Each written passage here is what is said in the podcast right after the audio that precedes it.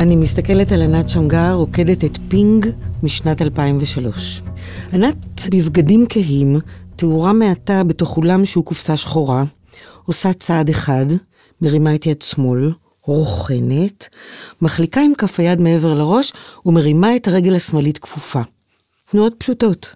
היא נשארת זמן מה על רגל אחת ולפתע פונה לאחור והראש פונה גם הוא, אבל מיד חוזר ופונה לחזית אל הקהל. עצירה. יותר נכון לומר שהייה, כי הגוף שלה ממשיך לנכוח בעוצמה, ותנועות מיקרוסקופיות ממשיכות לזלוג מהבמה אלינו, המתבוננים. הרכינה, כיפוף האמות, התנועה המתלווה של הרמת הרגל והפניות ההולכות ושוות חוזרות כמו מילון שמופעל כל פעם ממקום אחר בגוף. אני יודעת שהיא תמיד מאלתרת, אבל העולם התנועתי מוגדר, ולתנועה יש נוכחות ברורה ולגוף יש ידע מוחלט. עם זאת, מעודן. ואז שוב שהייה רוטטת, ואז היא ממשיכה.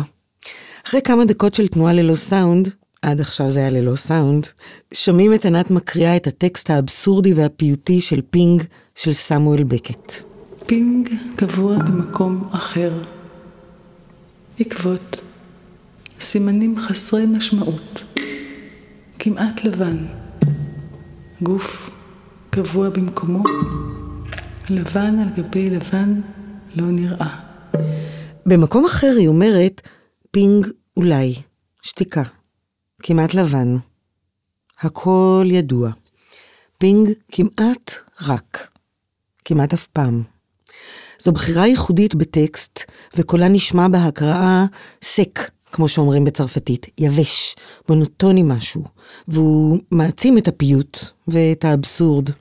הנרטיב נרקם בין המילים והתנועות, בעצירות ובשקטים, ודבר מה שאי אפשר לאחוז נרקם מול עינינו, ענת רוקדת. זו המהות של פינג, וזו המהות של שאר הסולואים שהיא מחברת לעצמה. כל תנועה שלה נובעת מאלף חלקיקים, מתייצבת בחלל ברורה ומפוסלת. כך כותבת מבקרת המחול גבי אלדור על פינג בעיתון העיר בשנת 2003. והיא ממשיכה וכותבת, הטקסט של בקט, שמושמע מפעם לפעם כחלק מהסאונד, הוא טקסט שמערער את הוכחת הקיום, גוף לבן על רקע לבן. והוא נוגע בחוסר הממשות של המחול. הבידוד המעודן של אברי גוף נפרדים מצטרף לתנועות גדולות, לתנופה, שגם בה נשארים הפרטים המרתקים המפתיעים של כף רגל המשנה זווית, של זוויות ראש רבות פנים כמו בציור יפני, של תנועה מהירה ופתאומית מן המקום, מפתיעה בכיוונה, בצניחה הרכה מן האוויר. עד כאן גבי אלדור, מבקרת וכותבת שמיטיבה לתפוס במילותיה את היצירה הזאת. רק, כמעט רק, כמעט לבנות בפנים שתיקה. רק, כמעט אף פעם הכל ידוע. עקבות, סימנים חסרי משמעות, כמעט לבן. גוף, קבוע במקומו, לבן על גבי לבן לא נראה.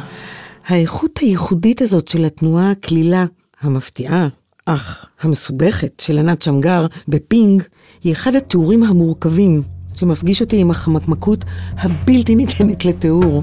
כדאי להסתכל על הוידאו שהעלינו לאתר הפודקאסט, חיות מחול.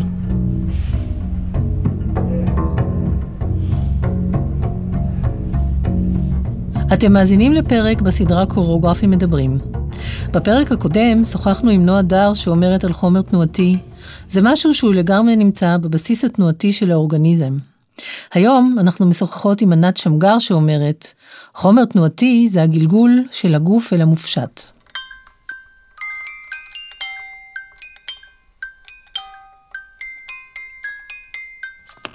אתם מאזינים לחיות מחול, פודקאסט על המחול העכשווי בישראל.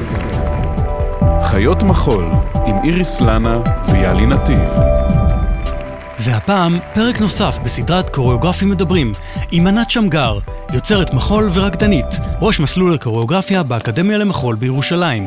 לפרק זה יגיב בסיומו רן בראון, מנהל מגמת המחול בתיכון הארצי לאומנויות תלמה ילין, ומבקר מחול בגלריה בעיתון הארץ. עוד משתתפים בסדרה איריס ארז, תמיר גינץ, אורי שפיר, יוסי ברג ועודד גרף, ענת דניאלי, עמנואל גת, נועה ורטהיים ורינה ורטהיים קורן, מאי זרחי, יורם כרמי, רותם תש"ח, אמיר קולבן, נועה דר, אוהד נהרין. היי יאלי. היי איריס.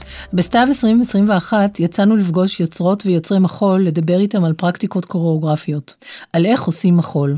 פגשנו אותם בסטודיואים ובבתים שלהם, ושאלנו אותם מהו חומר תנועתי עבורם ואיך הם חושבים על הקשר בין הגוף הרוקד והתנועה.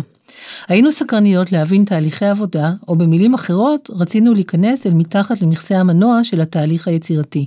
להיכנס לראש של היוצרים ולשמוע מהם על אופני הפעולה הייחודיים שלהם, ועל מנגנוני היצירה שהם משתמשים בהם.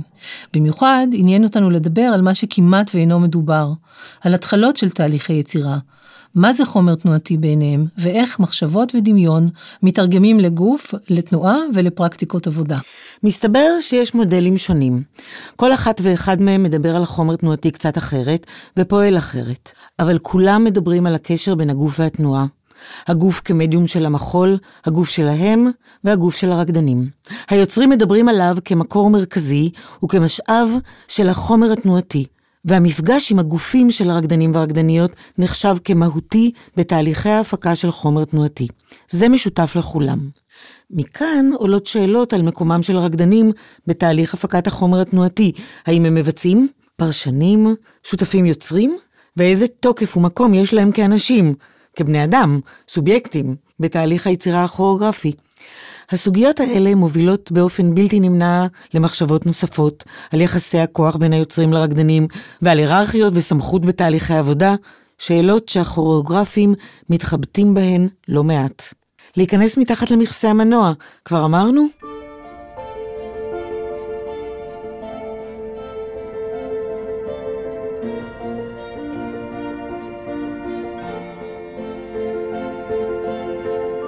יש צורות עבודה שונות למחול. כמו שיש בלט קלאסי ומחול עכשווי ותנועה, נגיד זה מין שלושה שדות שונים, שהם לא רק חומר תנועתי שונה, אלא הם שלוש תפיסות גוף שונות לגמרי. ואני חושבת שמה ש... נגיד, השדה של התנועה, לא במובן של התנועה באקדמיה, אלא במובן של התנועה משנות ה-60, ממה שהג'אסונים עשו, הם בנו איזה רווח בין גוף ושפה, ואפשרי ולא אפשרי, ומותר ואסור, שבתוך זה היוצר שמסור לדרך הזאת, הוא כל הזמן ממשיך לפתוח את הרווח. כל הזמן ממשיך לשאול שאלות, ללמוד את הדאטה, את הגוף, ולמצוא את העניין שלו בפנים, את הגעגוע שלו בפנים, ולעבוד איתם. בעצם זה, זה מין אה, מסע שבו אתה בוחר ומשחרר כל הזמן, כן? אתה כל כך עסוק בתהליך ולא בתוצר, שאתה יכול להתחיל מהתנועה הזאת של האצבע ולמצוא את העניין שלך בה, ולראות לאן זה לוקח אותך, והנה האצבע זה החומר התנועתי שלי, ומה קורה לה? הנה היא מפסיקה, הנה הראש מתחיל לזוז ביחס אליה, הנה היא מתקפלת, הנה היא חוזרת. העניין שלי מזיז את החומר התנועתי, ואני עוקבת אחרי התנועה של החומר, כי הוא הדבר שאני יכולה להסתכל עליו.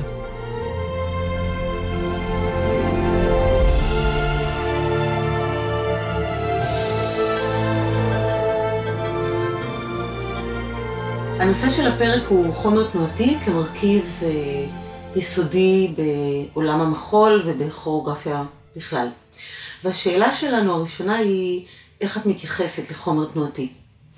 אז המושג חומר תנועתי, עוד לפני שיש חומר תנועתי, זה סוג של מתנה שהמחול הכניס לתוכו, כשכוריאוגרף נהיה אומן עצמאי, שבונה את המחול שלו מההתחלה, ורואה בעצם מה המרכיבים של המחול שהוא הולך לבנות. מה זה היצירה שלו, ממה היא בנויה, מה הוא רוצה לעשות.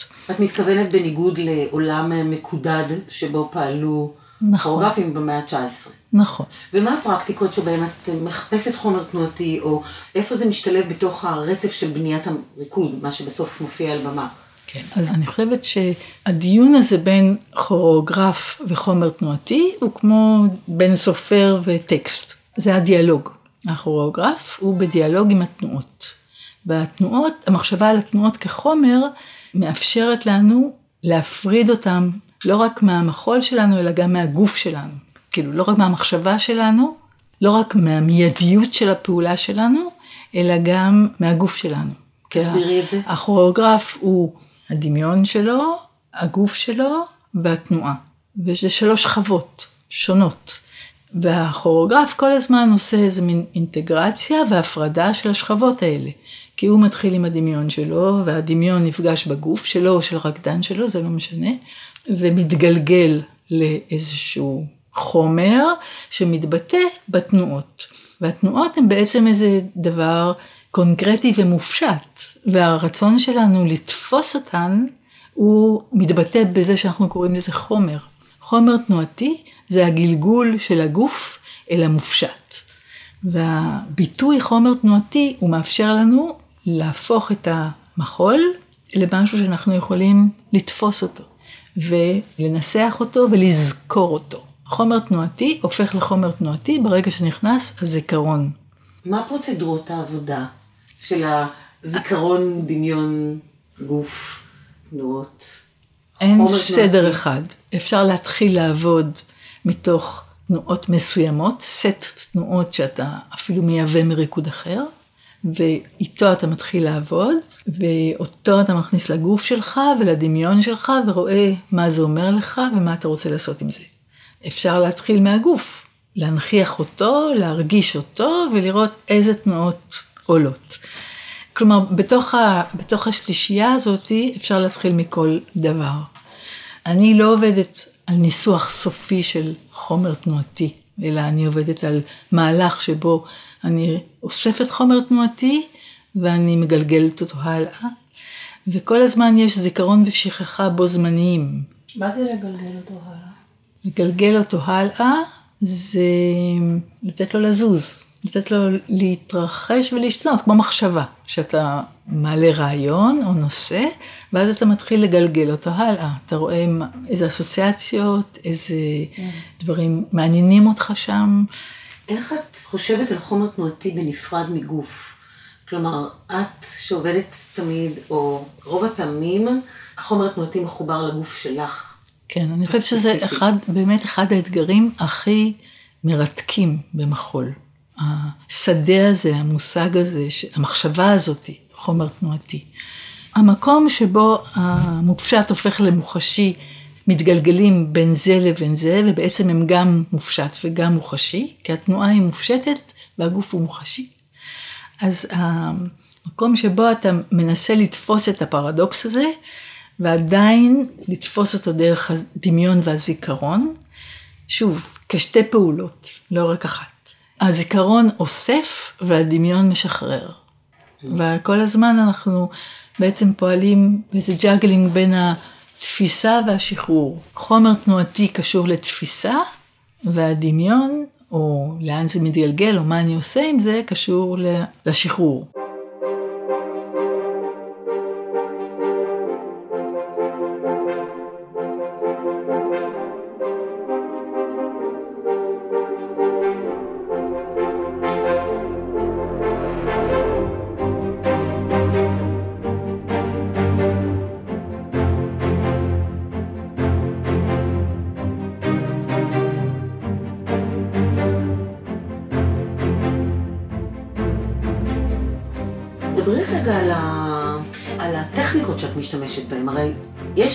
ערוצים שבהם אה, משחררים את הגוף, ויש ערוצים שבהם משתמשים בזיכרון. זאת אומרת, יש פרקטיקות. אוספים את החומר. כן, איך את... האיסוף. והשחרור, איך את עובדת עם זה? כמו שאת אומרת. זה איסוף ושחרור, זה לקיים את המנגנון המתחלף הזה, של חזרתיות, של אה, שהייה, של האטה, של לדמות את מה אני עושה, כדי להוציא את זה מעצמי וללכת לתוך זה. אז כל הזמן זה בין הזיכרון והדמיון והגוף והמרחב. והמהלך הזה הוא, הוא לא מפסיק, כי הזיכרון יכול רק לתפוס את הצורה. הוא יכול רק לתת לך איזה מושג מסוים על מה שאתה עושה. אבל הזיכרון לא נתפס גם בחוויה החושית, הגופנית. כן, בדיוק. ב- ב- מהזיכרון לחושים, אל הדמיון, זה אין סוף. זה תנועה ממשיכה. איך את זוכרת את מה שעשית? את עושה, את עושה, את עושה, איך את זוכרת? את חוזרת על דברים? את מצלמת אותם? את רושמת אותם? זה תלוי. הרבה שנים צילמתי ועבדתי ככה, אבל אני לא משתמשת יותר בדרך הזאת, למה?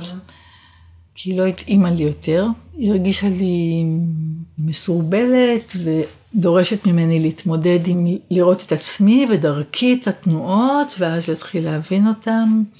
איכשהו, אותי אישית, התנועות עצמן לא מעניינות כמשהו שאני צריכה לאסוף אותן. זה כמו ללכת בים ולאסוף חלוקי נחל. אתה הולך בתוך מה שתאסוף, מה שהעין שלך תצוד, מה שימצא חן בעיניך עכשיו, אחר כך אתה יכול לשלוח אותו חזרה לים. זה ההרגשה שלי. אני לא אוספת אותם כדי ללמוד אותם.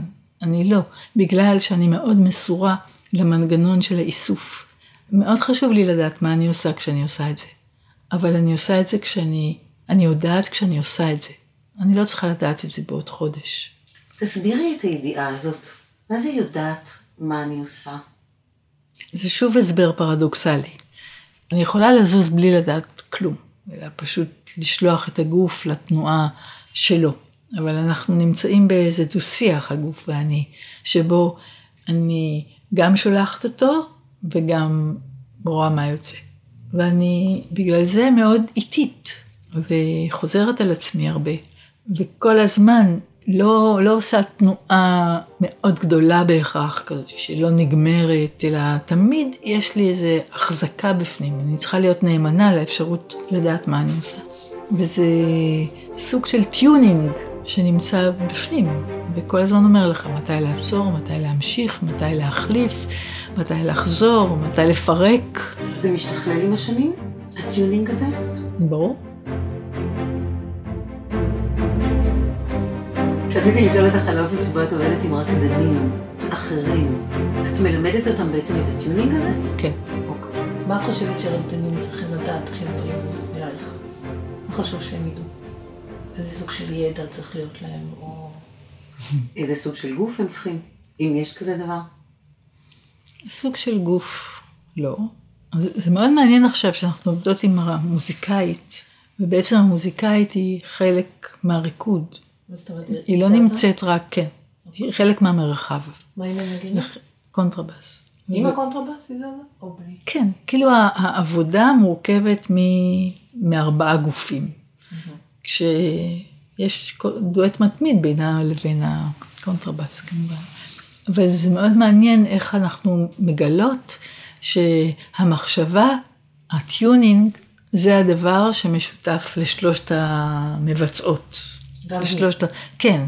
אותו דבר אני עוברת עם תום סולוביץ', כשאני עובדת איתו כבר הרבה שנים. שבעצם אנחנו עובדים ביחד, והעבודה היא איזושהי חקירה לאן אנחנו נלך עכשיו כדי למצוא את הדבר שלנו. עכשיו הדבר שיש לו חומר תנועתי ויש לו נושא ויש לו הרבה פרמטרים ומרכיבים וגם אפיונים וגם אסתטיקה וגם רגש, הדבר הזה הוא מחפש את עצמו כל הזמן מחדש ותמיד מאוד קשה לדעת מתי זה זה, אבל אתה יודע מתי זה זה, אתה יודע מתי אתה מוצא את זה. אנחנו מדברים בשתי שפות, יש לנו שני סוגים של חומרים, לי יש חומר תנועתי ולו יש חומר מוזיקלי. אנחנו שנינו באותו מרחב, והעניין הוא בחוויה שאנחנו מחפשים, שאנחנו שני קולות לדבר אחד. לא מזמן היה מישהו שהסתכל על החזרה שלנו, ומה שהוא אמר זה שהוא הרגיש שאני גורמת לו לשמוע חלקים במוזיקה שהוא לא שומע. אני מראה לו איך לשמוע את המוזיקה. זה אומר שאנחנו, ב... למרות שאנחנו שני חומרים, או שתי שפות, אנחנו באותו דיבור, מדברים על קו אחד. אני רוצה רגע להתעקש על העניין הזה של ה tuning, כדי שהוא לא יהיה כל כך מופשט. כי הרי יש שם, בוודאי שאת יכולה גם לפרק אותו, אני לא אגיד לטכניקה, אבל יש טכניקה של ה tuning הזה. זאת אומרת, את יכולה להגיד, כמו שיאלי שאלה אותך מקודם, מה הידע שהם צריכים לבוא לרקוד איתך, ואת אמרת, tuning. את יכולה לפרט את זה? לא, זה, באיזשהו מקום לא צריכים לדעת שום דבר, צריך להסכים מבחינת שפה. לא. אולי הרחקתי לכת, זה לא נכון שלא צריך לדעת שום דבר. צריך לדעת שהעבודה היא שאני בעצם מובילה אותם לתוך איזשהו טיול. ובטיול הזה הם המטיילים. ברור שאנחנו לא מדברים פה על טכניקה, על שפה, אבל מה המיומנות שאני צריכה לבוא איתה כדי שתוכלי להוציא אותי לטיול? כן, אני חושבת שקשה לי להגיד את זה ככה. זה בהחלט החיפוש המתמיד. כשהתחלתי לעבוד איתן, אז גם קראנו למשל את תורו, שכותב על טיול, וכל מיני טקסטים שמתעסקים בדיוק במתח הזה, שבין לצאת לדרך, ולמרות שאני לא יודע מה אני אמצא שם, אני יודע שאני אמשיך בדרך. בטיול זה אנלוגיה מאוד טובה, כי ברור שאני אמשיך ללכת, וברור שכשאני אמשיך ללכת, השביל יתקדם, ויבוא עץ אחר, ויבוא חיה אחרת. ברור לגמרי שהדבר ייקח את עצמו, הפעולה שלי תישאר, ההתבוננות שלי תישאר, אבל אני אמצא את עצמי בתוך מה שיהיה. אז אני יודעת את המסגרת של העבודה, אני יודעת שבפנים יש לי אמצעים. למשל, זה שאני צריכה להמשיך כל הזמן, גם אם אני עוצרת, אני כל הזמן בהמשכיות של הדבר, זה שאני כל הזמן גם מתבוננת וגם עושה, זה סוג של כפילות שאני לומדת לעשות, שאני צריכה ללמוד לעשות.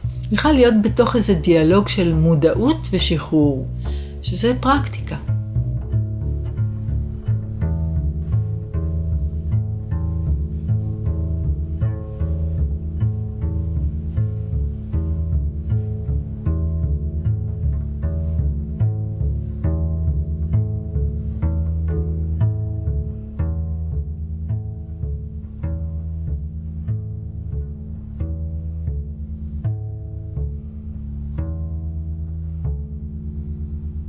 החכמים הגדולים ביותר שמתעסקים בזה, זה חכמי הזן. אני זוכרת שבשנים הראשונות שלימדתי, תמיד היה אז, ויפאסנה היה נורא אופנתי, והתלמידים תמיד אמרו לי, את חייבת אה, לעשות ויפאסנה, כי את עושה את זה. עכשיו, אף פעם לא עשיתי ויפאסנה, זה לא זה. אבל זה כן נוגע ב...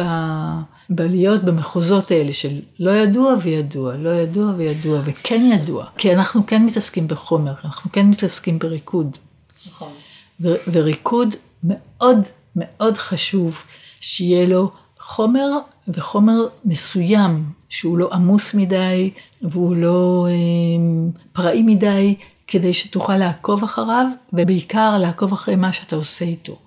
אחת הבעיות במחול, שחומר תנועתי זה איזה מין כל מה שאני יכול לעשות, זה שיש איזה מין בולמיה כזאת, שעוד ועוד ועוד ועוד ועוד ועוד ועוד ועוד רעיונות ואם זה היה יצירה מוזיקלית, זה כבר מזמן אה, היינו יוצאים מהאולם. המוזיקה מלמדת אותנו שחומר תנועתי או חומר מוזיקלי זה חומר, זה דבר שאיתו אני מתעסק, אותו אני מגדל, אותו אני מראה, לוקח זמן עד שהוא נראה, ואז אני רואה מה אני עושה איתו, כדי שאני אשתמש בו, כדי שהוא יראה את עצמו, ולא רק יתגלגל, אני אגלגל אותו למיליון דברים אחרים. וזה מין מקום שבו יש דיוק כזה של דו-שיח עם החומר. החומר הוא, שוב, אנחנו קוראים לזה חומר מתוך הגעגוע שזה יהיה חומר, שנוכל לגעת בו, שנוכל ללוש אותו, שנוכל לעשות איתו דברים, אבל בעצם הוא כל הזמן מתחמק מאיתנו, והזיכרון מנסה לתפוס אותו. וכל זה בשביל לעשות איתו ריקוד, לראות לאן הוא הולך, ולהצליח לעקוב אחרי זה. איך את מלמדת את התלמידים שלך? את מלמדת המון שנים, נכון? באקדמיה?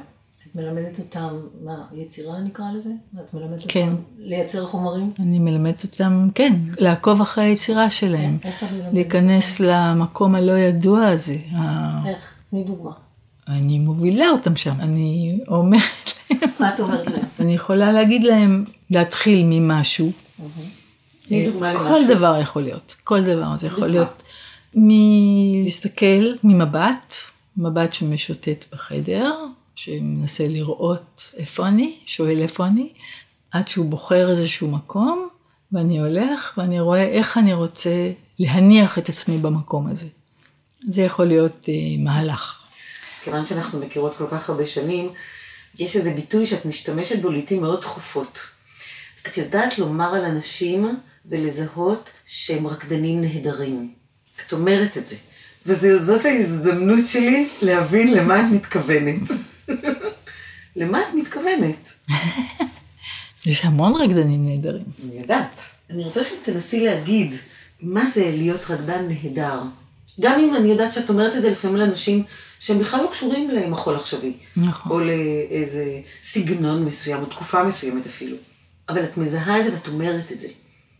אני מניחה שכשרקדה, הרקדנים שאני מחפשת, שאני רוצה לראות, הם רקדנים שהדמיון של הגוף שלהם פתוח, שאני מרגישה את האינטליגנציה של הגוף שלהם, את הדיאלוגיות הזאת, באמת את זה שלגוף יש את הזמינות שלו, ולהם יש את ה mind של הגוף, שהוא נמצא בדיאלוג עם התנועות, או עם ההתנועות. ובדרך כלל הרקדנים האלה הם מאוד רגועים. הם לוקחים את הפנאי להתבונן תוך כדי זה שהם עושים את מה שהם עושים. כי הם, הם בפנים, הם, הם, הם גם הכלי וגם המבצע וגם המרחב, וגם, הם, יש להם את היכולת הזאת של הפרדה ואינטגרציה של השכבות השונות שלנו כרקדנים. את יכולה להגיד שמות של חמישה רקדנים שעולים בדעתך כרגע, שאת חושבת שהם רקדנים נהדרים? טוב, יש את סטיב פקסטון וליסה נלסון, שהם האיידולס שלי, שהם באמת מאוד מסורים לריקוד, מאוד מסורים לסטייט הזה של ריקוד כמו שאני מחפשת אותו. אני חושבת שמה שאני מאוד מעריכה אצל סטיב פקסטון וליסה נלסון, זה שהם מעבר לרקדנים נהדרים. הם מחזיקים מחשבה רחבה על ריקוד בזמן שהם רוקדים. הם לא רק בשפה הפרטית, אלא כל הזמן יש שם איזה מין מבט על מה זה מחול, מבט ששואל מה זה ריקוד.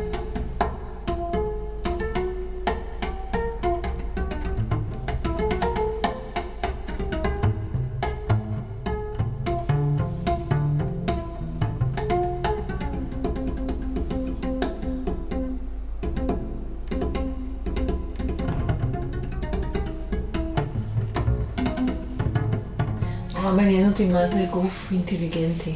אמרת אינטליגנציה של הגוף. אה, כשאתה רואה רקדן. עם אבל גוף אינטליגנטי, זה כמו בן אדם שמדבר ואתה חש את ה... אין, לזה... אין, זה לא אחד.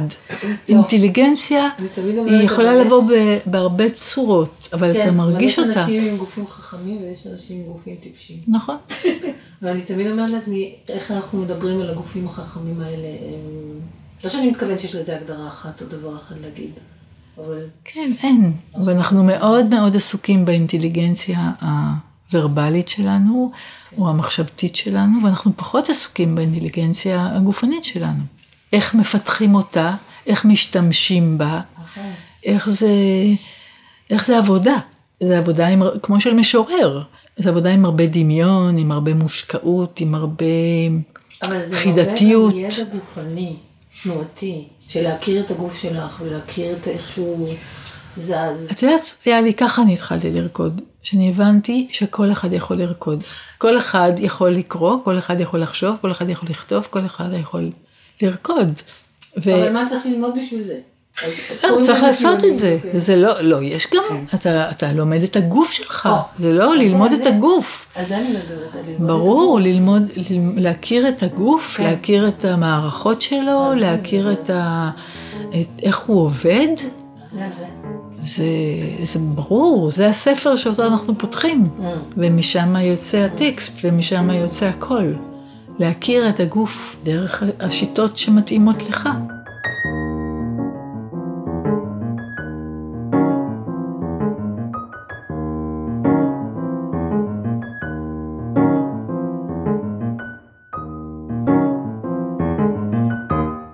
עכשיו שאת עובדת עם רקדניות, את מלמדת אותם חומרים?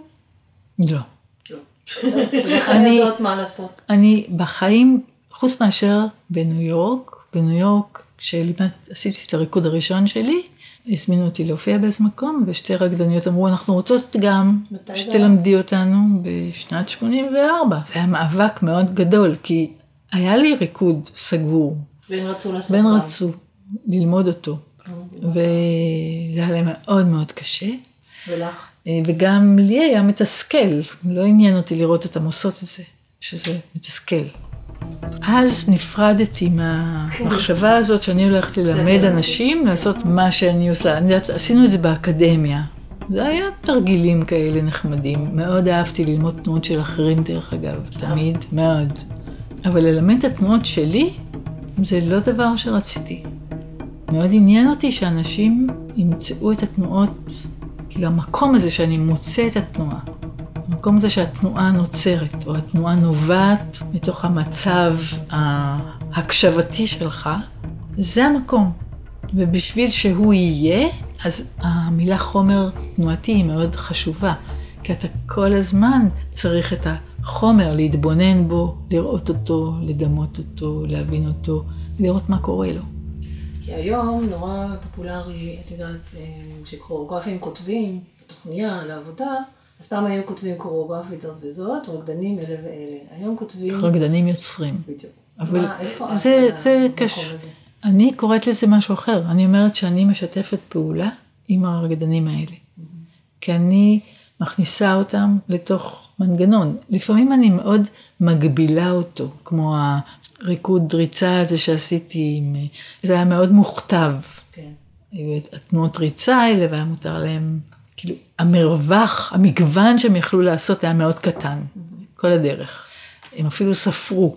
זה כן היה מאוד אסוף, אבל בתוך זה, ההחלטה שלהם, מתי לעשות את הדבר הזה, מתי לעשות את הדבר הזה, אחד ביחס לשני, הייתה חייבת להיות פתוחה. כי מה שמעניין אותי זה המקום הזה של אני מחליט מה אני עושה, או הגוף מחליט מה הוא עושה.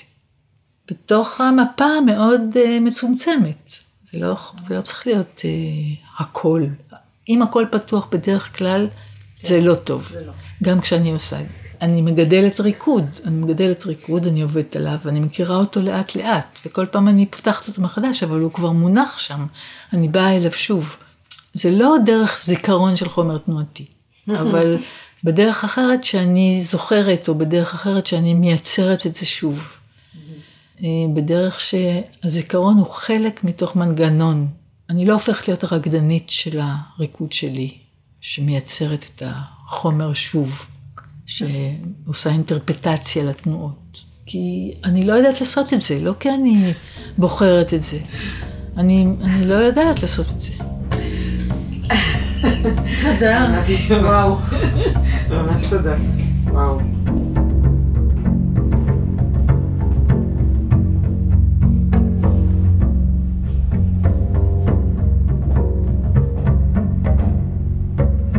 הזמנו את חוקר המחול רן בראון לנסח עמדה אישית כלפי נושאים שעלו בריאיון. ביקשנו ממנו להצביע על סוגיות מחול ייחודיות שעולות בדבריה של ענת שמגר, ולהתייחס לסוגיות האלו בהקשרים רחבים. רן בראון הוא מנהל מגמת המחול בתיכון הארצי לאומנויות תלמה ילין, ומבקר מחול בגלריה בעיתון הארץ. היי רן. היי איריס. נושא השיחה עם ענת, ובכלל בסדרה הזאת, הוא חומר תנועתי. יש לך איזו הגדרה או הכללה שתרצה לפתוח בה? כן. קודם כל, יש משהו מעניין בעצם המונח חומר תנועתי. למה לא תנועה? למה לקרוא לזה חומר תנועתי? אני חושב שעצם ההזדקקות שלנו למונח אחר מאשר תנועה, מעידה על עניין מהותי שיש כאן. מתוך אינטואיציה שלא מדובר רק בתנועה לכשעצמה, אלא בממדים נוספים שקשורים בה. ובעיניי הרב-ממדיות הזאת היא מפתח חשוב להבנה של הנושא. מצד שני, הניסיון לברר ובכל זאת לזקק מרכיבים, כמו למשל הניסיון להפריד חומר תנועתי מגוף, זה כבר תוצר של חשיבה מודרניסטית שאנחנו עדיין שבויים בה. מעניין להתחקות אחרי המקור של החשיבה הזאת, שהופיע קודם כל באומנות חזותית דרך קלמנט גרינברג. הוא היה מבקר אומנות, והוא ביקש להגדיר את האומנות באמצעות הספציפיות של המדיום, כלומר, מה הופך ציור לציור, מה עושה פיסול לפיסול, ובהקשר שלנו, מה יעשה מחול למחול. בהקשר הזה גרינברג ביקש לראות בחומר משהו שהוא אוטונומי, שהוא מהותני, שיש לו תכונות ספציפיות. מה שמעניין במקרה הזה של גרינברג וגם ממשיכי דרכו זה שהחומריות הפיזית באומנות החזותית שימשה בסופו של דבר דווקא מקפצה להפשטה, להתעלות, אמצעי להגיע לצורה טהורה. בהקשר של מחול, הגוף הנוכח תמידית מקשה עלינו לעבור מהחומריות להפשטה, ואולי זה גם מה שמעניין במושג הזה של חומר תנועתי ובהתייחסות ספציפית של ענת שמגר אליו. כי אפשר לומר שענת מתייחסת באופן פרדוקסלי למונח הזה. מצד אחד היא מתייחסת אליו בהקשר המודרניסטי. היא מדברת עליו כעל גילוי של אחד ממרכיבי היסוד במחול. זה רלוונטי במיוחד לאור הפרידה מהתלות בהיבטים אחרים, מהנרטיב או מהמוזיקה. ענת מתארת ממש הגדרה אוטונומית של המחול כשהיא מתארת את אומן המחול העצמאי שבורא שפה משלו. אבל מצד שני, היא לא נצמדת לצורניות, אלא היא מתמקדת במה שמייצר את החומר. היא מדברת על מיכל או משולש שהיא מתווה, כדי שזה, החומר התנועתי, אכן יוכל להופיע. איזה משולש? אני אסביר. שמגר ממקמת את החומר התנועתי במרכז של משולש שהקודקודים שלו הם דמיון, גוף ותנועה. היא מתארת את זה כמיזוג של הקונקרטי והמופשט. העיסוק בו בעיניה הוא תוצר של הניסיון לתפוס את מה שהוא בלתי ניתן לאחיזה, ולכן היא מצהירה שהיא מוותרת על כך מלכתחילה.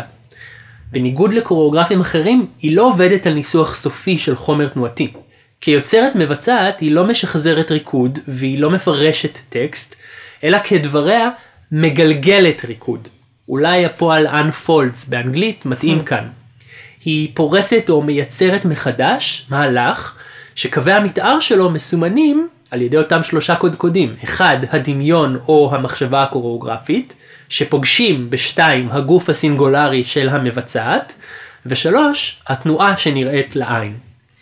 אולי כדאי להגיד כאן שענת מבצעת את עבודותיה בלבד, באופן כמעט מוחלט. ואת מה שהצעת כאן, את הגלגול הזה, היא מבקשת מעצמה וגם מרקדנים שמבצעים יצירות שלה. לשאלה אחרת, יש מאפיינים לחומר התנועתי שלה? יש מאפיינים, וקודם כל הם מעבר למשולש הזה, אולי נכון יותר לומר כנגזרת שלו, בשיחה שלכן איתה, היא, היא בעצמה נותנת סימנים בחומר התנועתי שמאפיין את העבודות שלה. אז קודם כל זו הכפילות או הבו זמניות, היא מתארת מעין טבעת מוביוס של אה, התבוננות בעשייה מתוך התבוננות. העשייה מתוך התבוננות הזאת היא מרכיב חשוב, זה כמו בציור של אשר, של יד שמציירת את עצמה. בכוונה אני ממהר את הקשירה הזאת של המילים, כדי להסביר על מה אנחנו מסתכלים. אנחנו מסתכלים על משהו שמסתכל על עצמו. זה מין מצב של קשב קינסתטי, שמאפשר תנועה מתוך מודעות לפעולה שמתהווה בזמן אמת.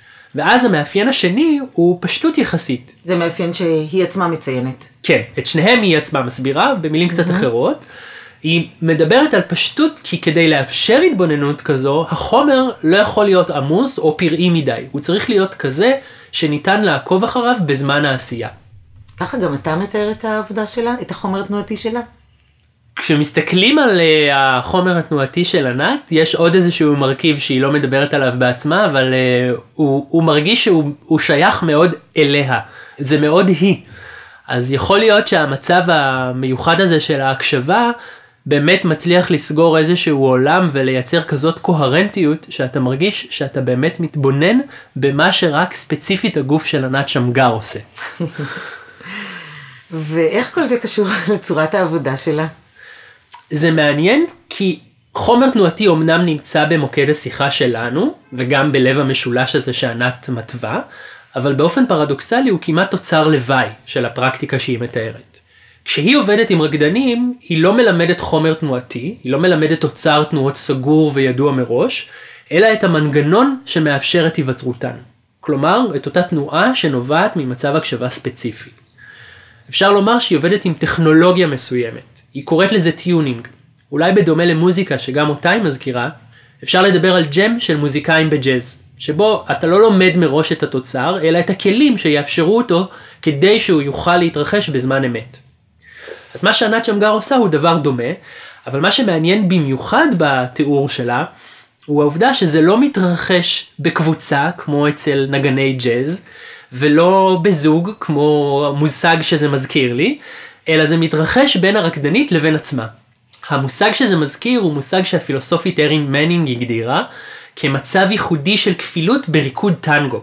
היא קוראת לזה leading following, הובלה עקיבה, מילה אחת.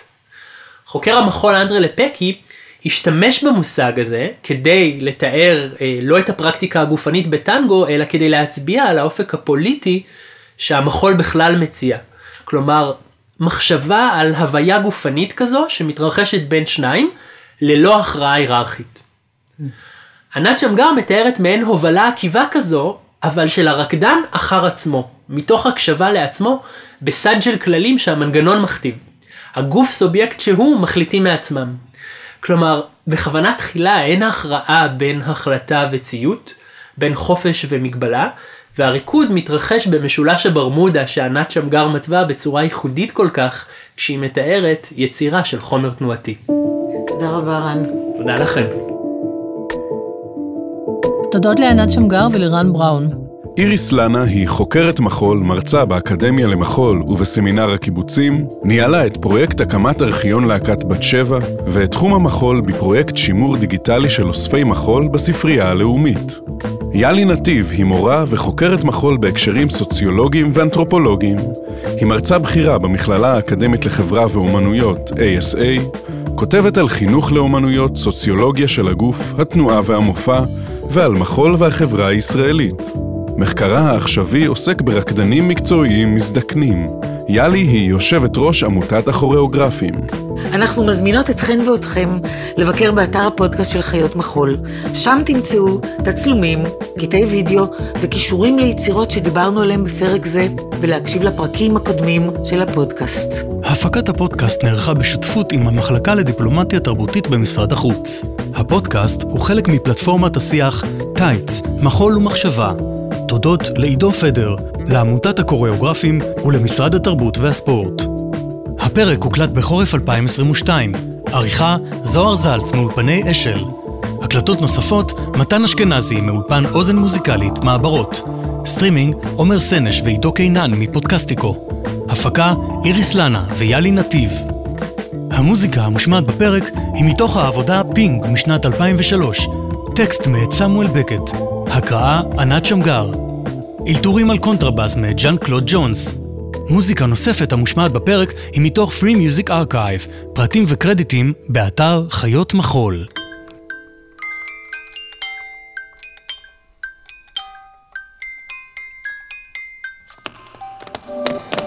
האזנתם לחיות מחול עם איריס לנה ויאלי נתיב.